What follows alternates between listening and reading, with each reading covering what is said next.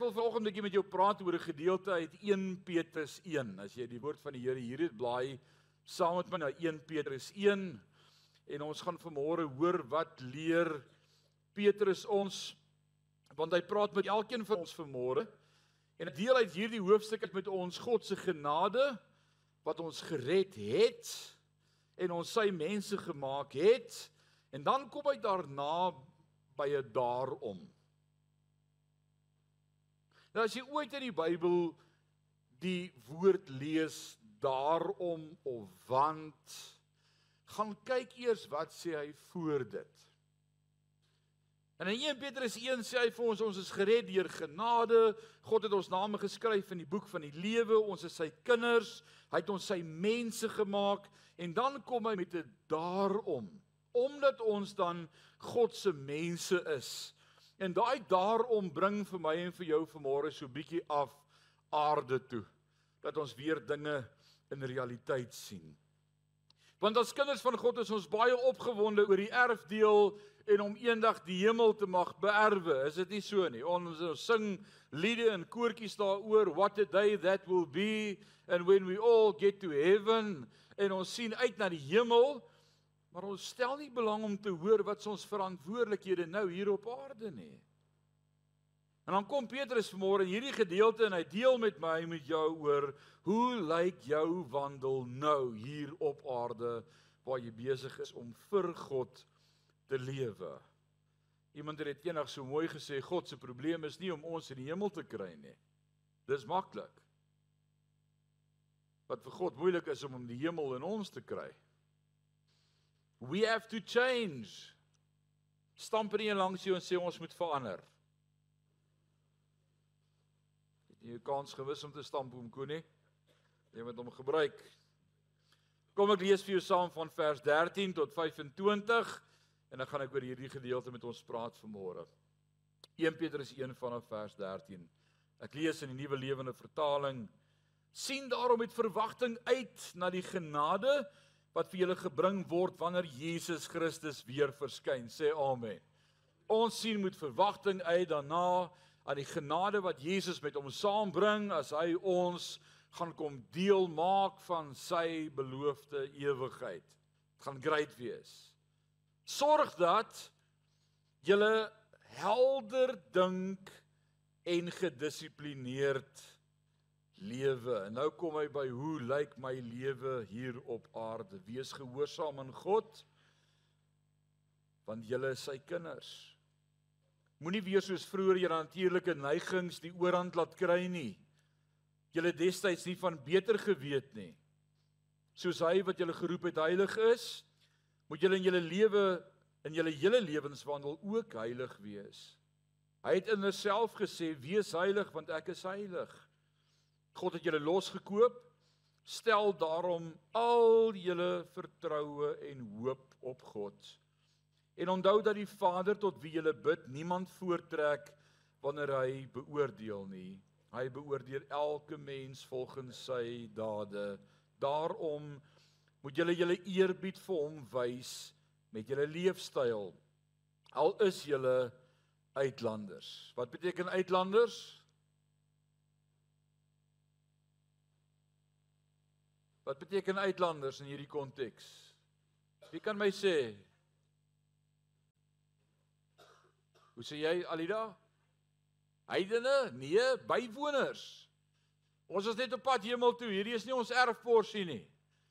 Ons is nie van planeet Aarde nie, maar van planeet Hemel en op pad na planeet Hemel.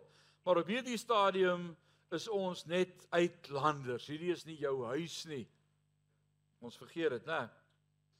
Julle weet mos dat God betaal het om julle los te koop van die sinlose leefstyl wat julle van julle voorouers oorgeerf het. En die losprys was nie dinge wat vergaan soos goud of silwer nie. Inteendeel, dit was die kosbare bloed van Christus.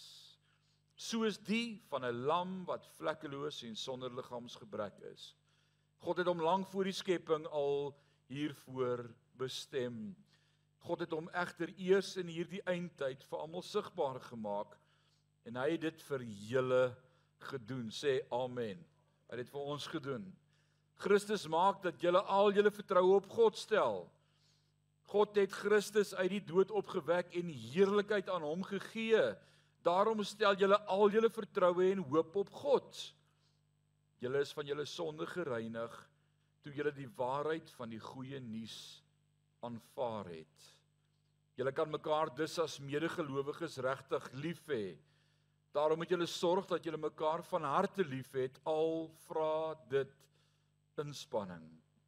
God het immers die proses begin waardeur julle wedergebore is.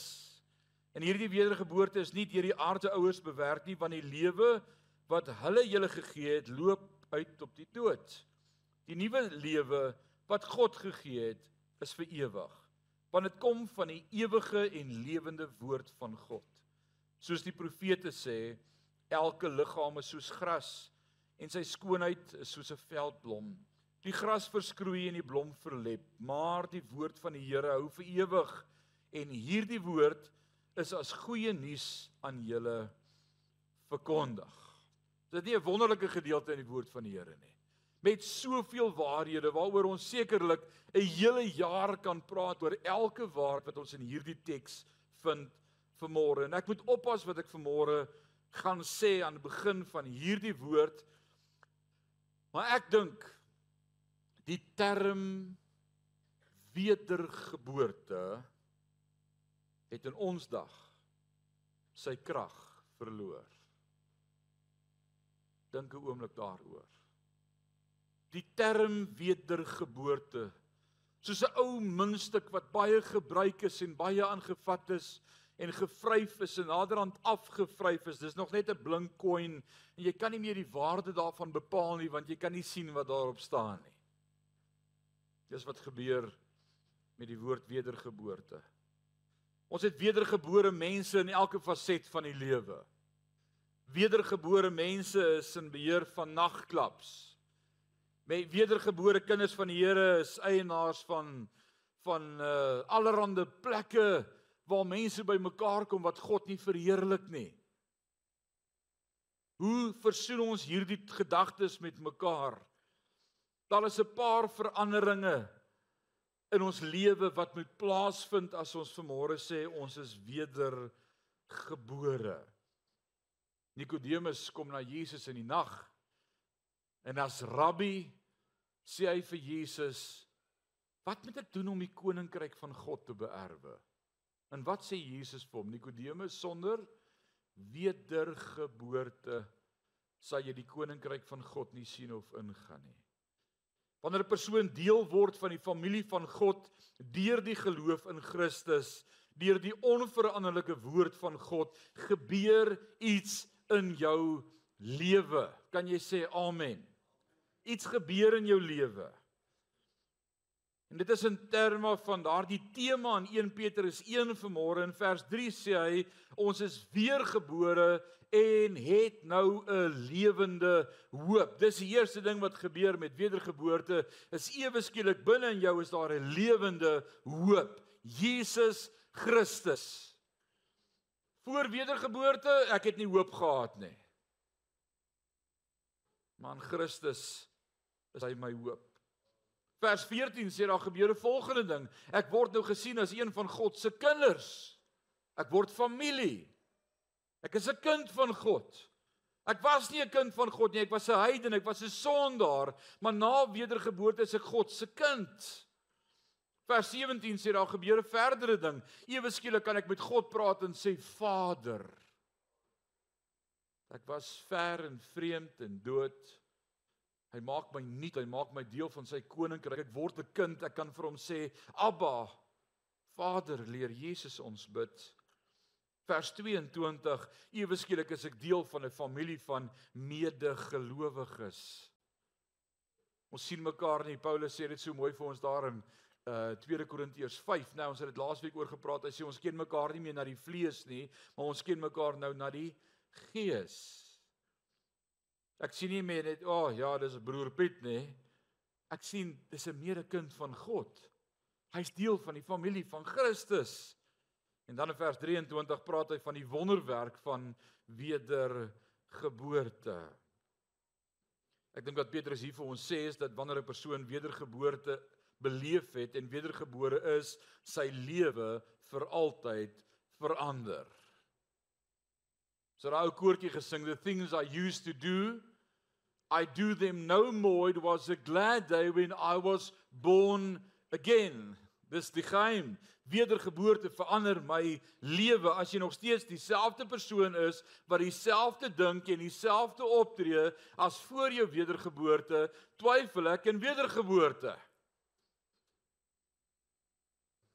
Niemand sê nou eers amen nie. Sê net eina dan, né?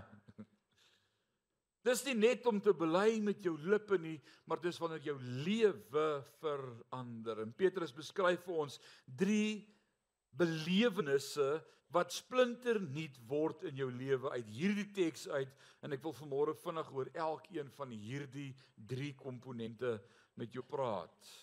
Want die leer die woord leer ons tellemale dat wanneer daar 'n verandering in jou hart is, dit ook 'n verandering aan die buitekant teweeg sal bring. Wanneer jou hart verander, verander jou optrede. Help nie jy probeer jou optrede verander nie. Die wortel is in die hart. As jou hart verander, sal jou optrede verander. En hier's die drie goed. In die eerste plek, 'n nuwe gesindheid. Dit gaan oor die gedagtewêreld, the mind, a new attitude. 'n Nuwe gesindheid. Die tweede een, 'n nuwe gehoorsaamheid. Dit gaan oor jou wil. Die eie ek, 'n nuwe gehoorsaamheid. En die derde een, 'n nuwe liefde in my hart. So kom ons praat oor hierdie drie komponente en ons kyk vanmôre in die lig van ons vas en waarmee ons besig is en ons teks wat in Matteus 6:33 sê soek allereers die koninkryk van God en sy geregtigheid.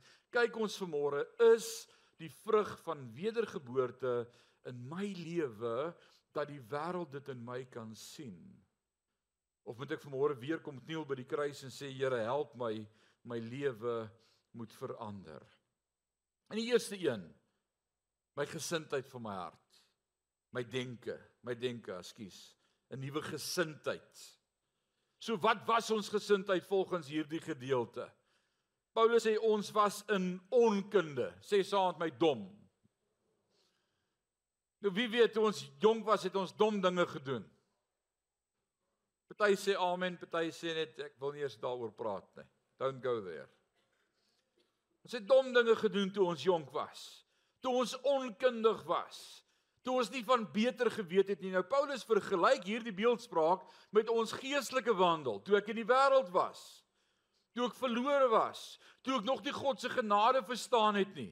Toe ek nie verstaan het wat die prys was wat hy vir my betaal het aan die kruis nie. Dit was net godsdiens. Ja, ek het geglo en geweet, maar ek het dit nie myne gemaak nie. Dit was dooie godsdiens. Ons was in onkunde nie van beter geweet nie. Ons het toegegee aan die welis, ingegee. Dit het ons elke keer saam gesleep. Met ander woorde, ons het geen beheer gehad nie, beheerloos. Toe ek weer sien, toe gebeur dit. Toe ek weer wakker word, toe besef ek. Dis hoe ek was toe ek in sonde was. En 'n sinnelose leefstyl Daar was geen waarde daaraan gewees nie. My lewe was leeg. Wie kan sê dis hoe jou lewe gelyk het voor Christus? Amen. Geestelike onkunde wat lei na toegee van sonde, wat lei na betekenislewe, betekenloos lewe sonder deel, sonder doel, dryf net rond soos 'n dobbertjie in die water. Net 'n wedergebore kind van God het 'n doel in die lewe, God se doel in ons. Iemand sonder God het nie 'n doel nie. Hy's doelloos. Totdat jy doelloos word, 'n slaaf van Christus en so jou doel ontdek. Wat is dan die nuwe gesindheid van wedergeboorte wat in ons lewe moet heers? Vers 13 sê: "Sorg dat jy helder dink en gedissiplineerd lewe. Helder dink en gedissiplineerd lewe. God doen iets deur wedergeboorte in my denke. Hier gebeur iets. Ewe skielik het ek rigting. Ewe skielik dink ek nugter en helder. God hou my gedagtes bymekaar. Kan ons sê ek is gefokus? Ek sien meer 'n loskop wat al oor is en dan dink ek hieraan en dan dink ek aan gister en dan dink ek aan Kersfees en dan dink ek aan nee, my my gedagtes is gefokus. Na wedergeboorte help die Heilige Gees jou om te fokus op God se dinge. Waarop is my gedagtes gefokus? Nie meer op al hierdie snert hier om ons nie, maar op die dinge wat saak maak. Paulus kom en dan bevestig hy dit vir ons in Filippense 4 as hy praat met die gemeente in Filippi. Onthou Paulus sit in die tronk as hy hierdie gedeelte skryf en dan sê hy in Filippense 4 vers 4 ek sê verbly julle in die Here ek herhaal verbly julle. Vers 5 Laat julle vriendelikheid aan alle mense bekend word. Die Here is naby. Vers 6 sê maak al julle begeertes met smeking en danksegging bekend by God. Vers 7 en die vrede van God wat alle verstande te bowe gaan, sal julle hart en sinne bewaar in Christus. Vers 8 bedink dus die dinge wat daarbo is. Lieflik is. Heilig is. aan God welgevallig is.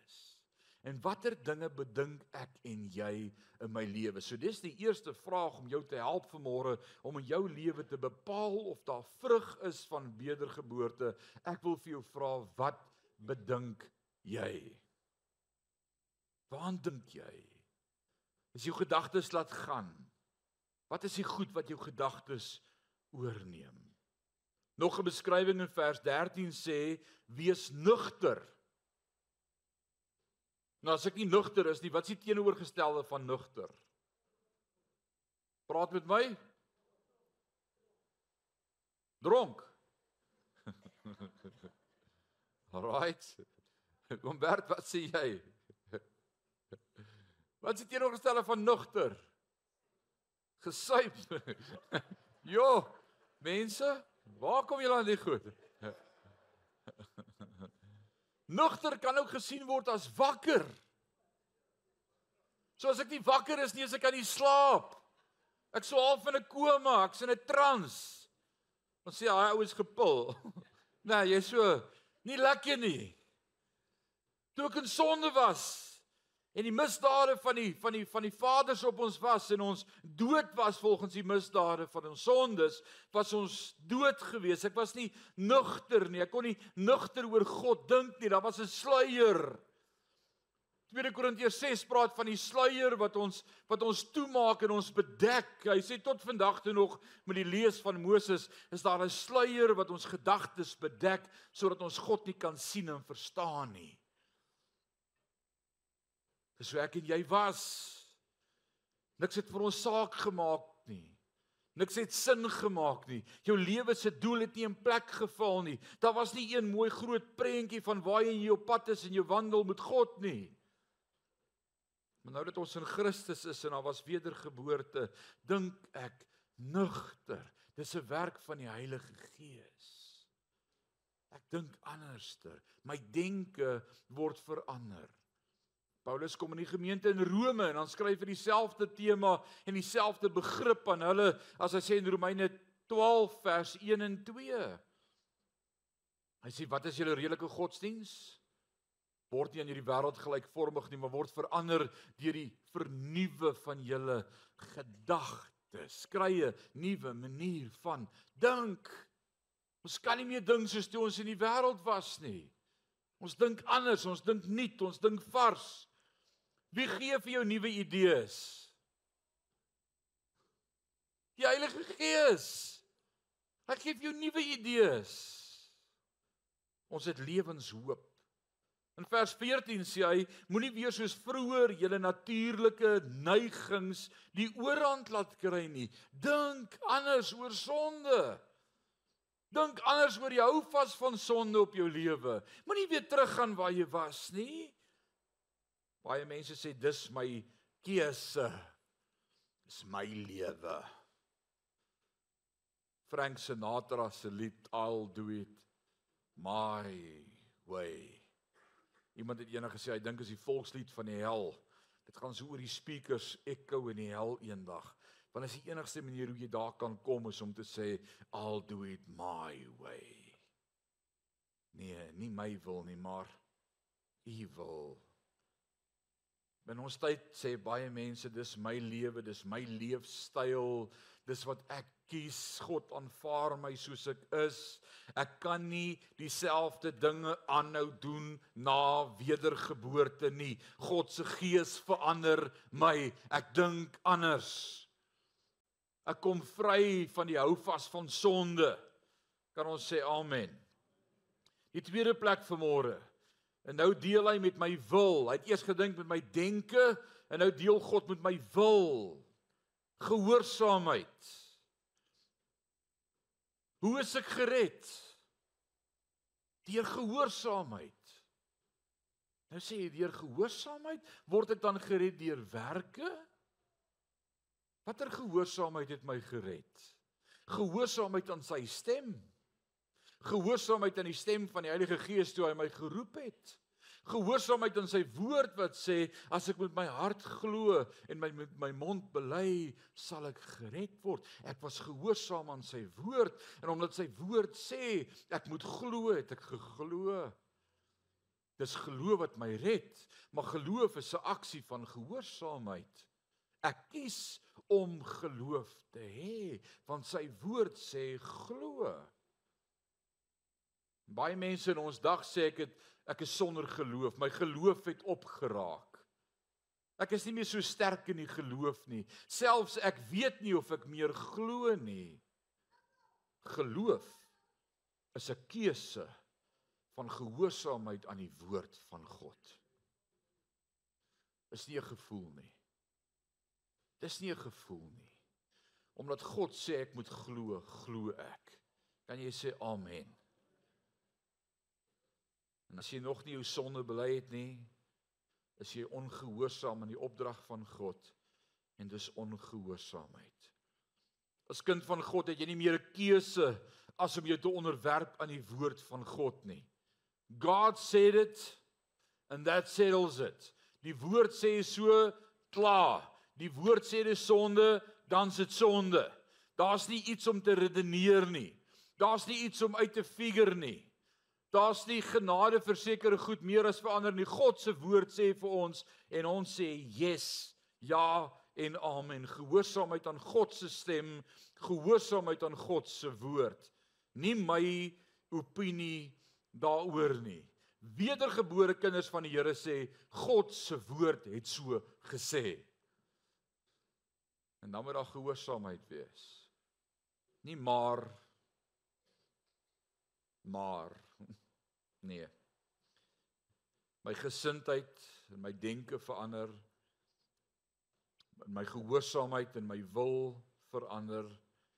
En die derde deel en dan deel Petrus met nuwe liefde in my hart. Sê gesaand my nuwe liefde.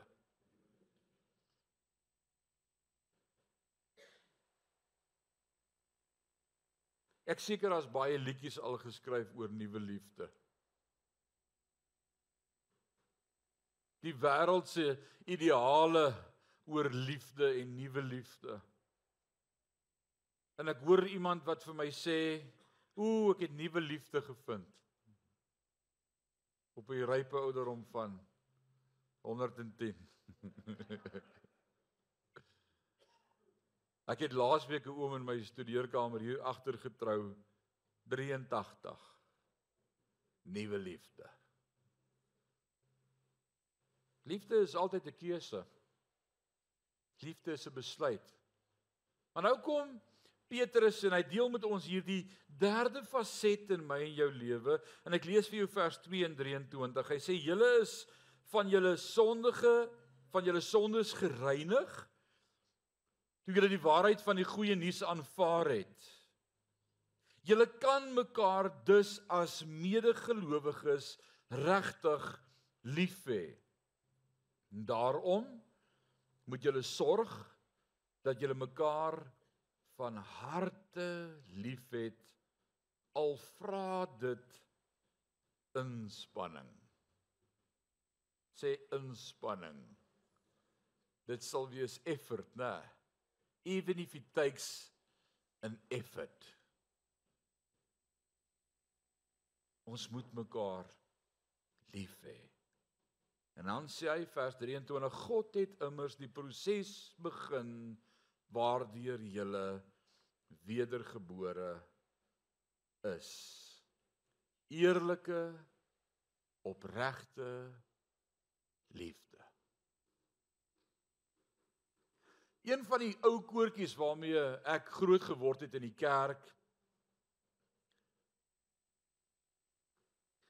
was die lied gewees I love this family of God. Waar kan jy onthou? So closely knitted into one. They've taken me to their hearts and I'm so glad to be a part of this great family. Ek wil vanmôre sê amen. Dis 'n voorreg om deel te wees van 'n familie van medegelowiges wat vanmôre een gemeenskaplike fokus het en dis Jesus is die Christus. Ons is familie.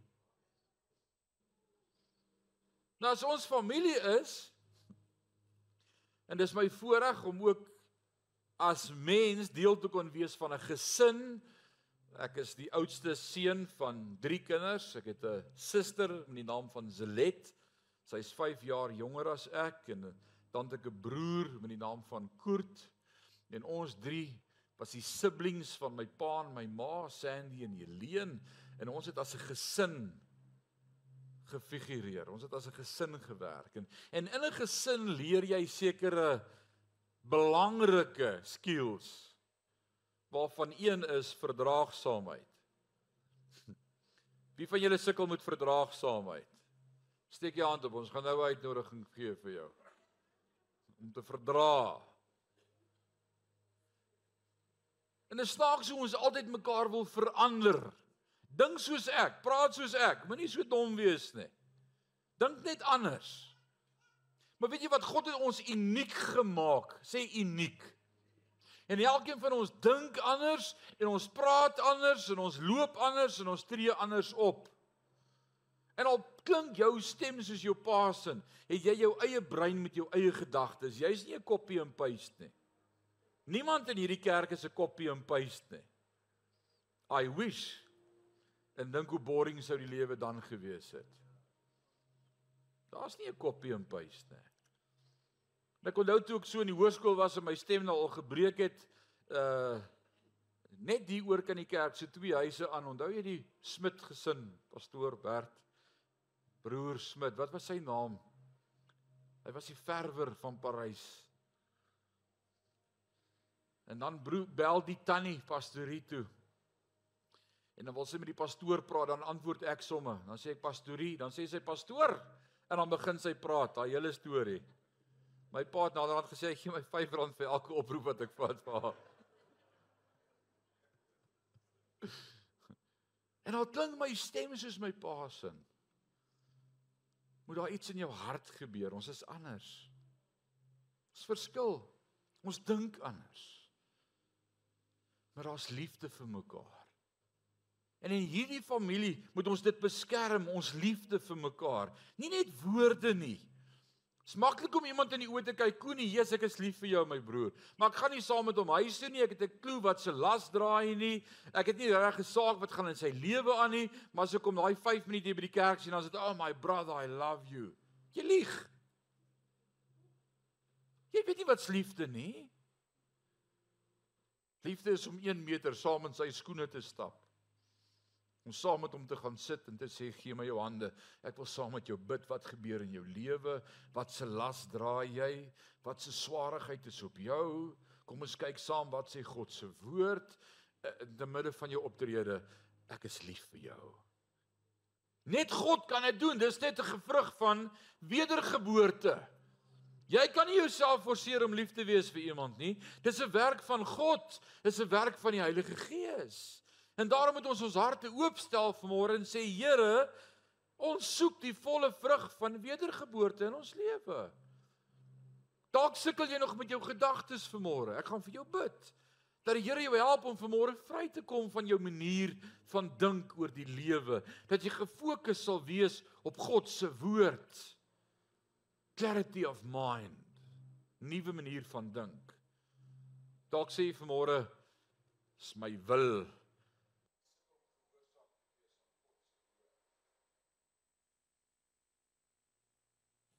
Dalk sê jy vanmôre dis my wil. Ek sukkel om gehoorsaam te wees aan God se woord. Ek sukkel, ek weet, ek sien dit, maar dit gebeur net nie. Dis 'n vrug van wedergeboorte. Ek gaan vir jou bid daarvoor vanmôre. Gaan bid dat God vanmôre sy liefde wat hy in jou hart sal uitstort ook deel maak van jou lewe. Mag die Here ons help dat Sion nie net sal sê ons is wedergebore nie maar dat ons lewens in Parys sal wys ons het waarlik God ontmoet as die koning van die konings.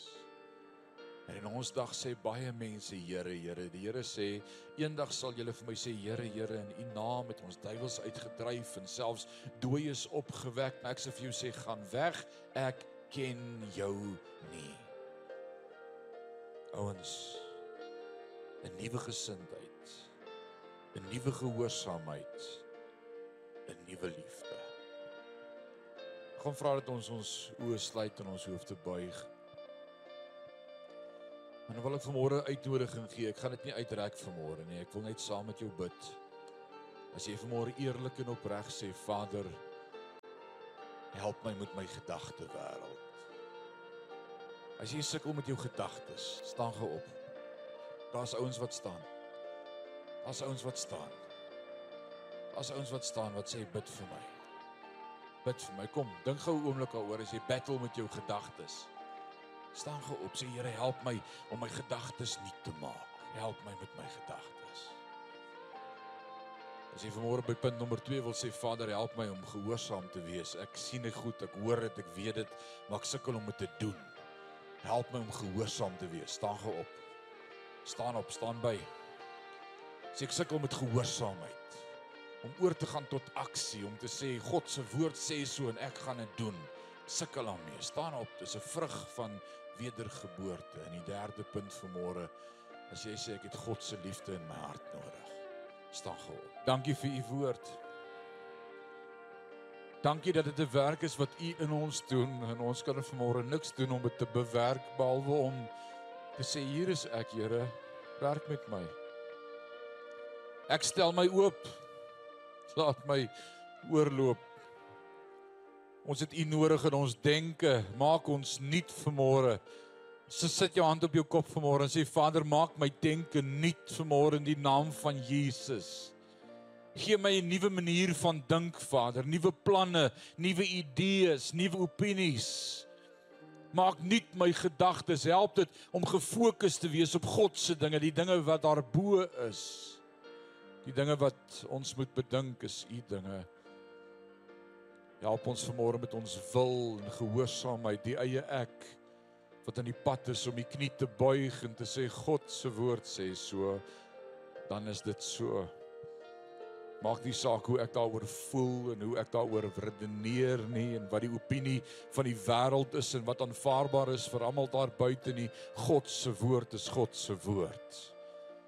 Help Sion om 'n plek te wees waar ons gehoorsaam is aan u woord. En dan Vader, ons harte verander dit. Gee ons liefde vir mekaar. U woord sê hierin sal die wêreld weet dat julle my disippels is aan julle liefde vir mekaar.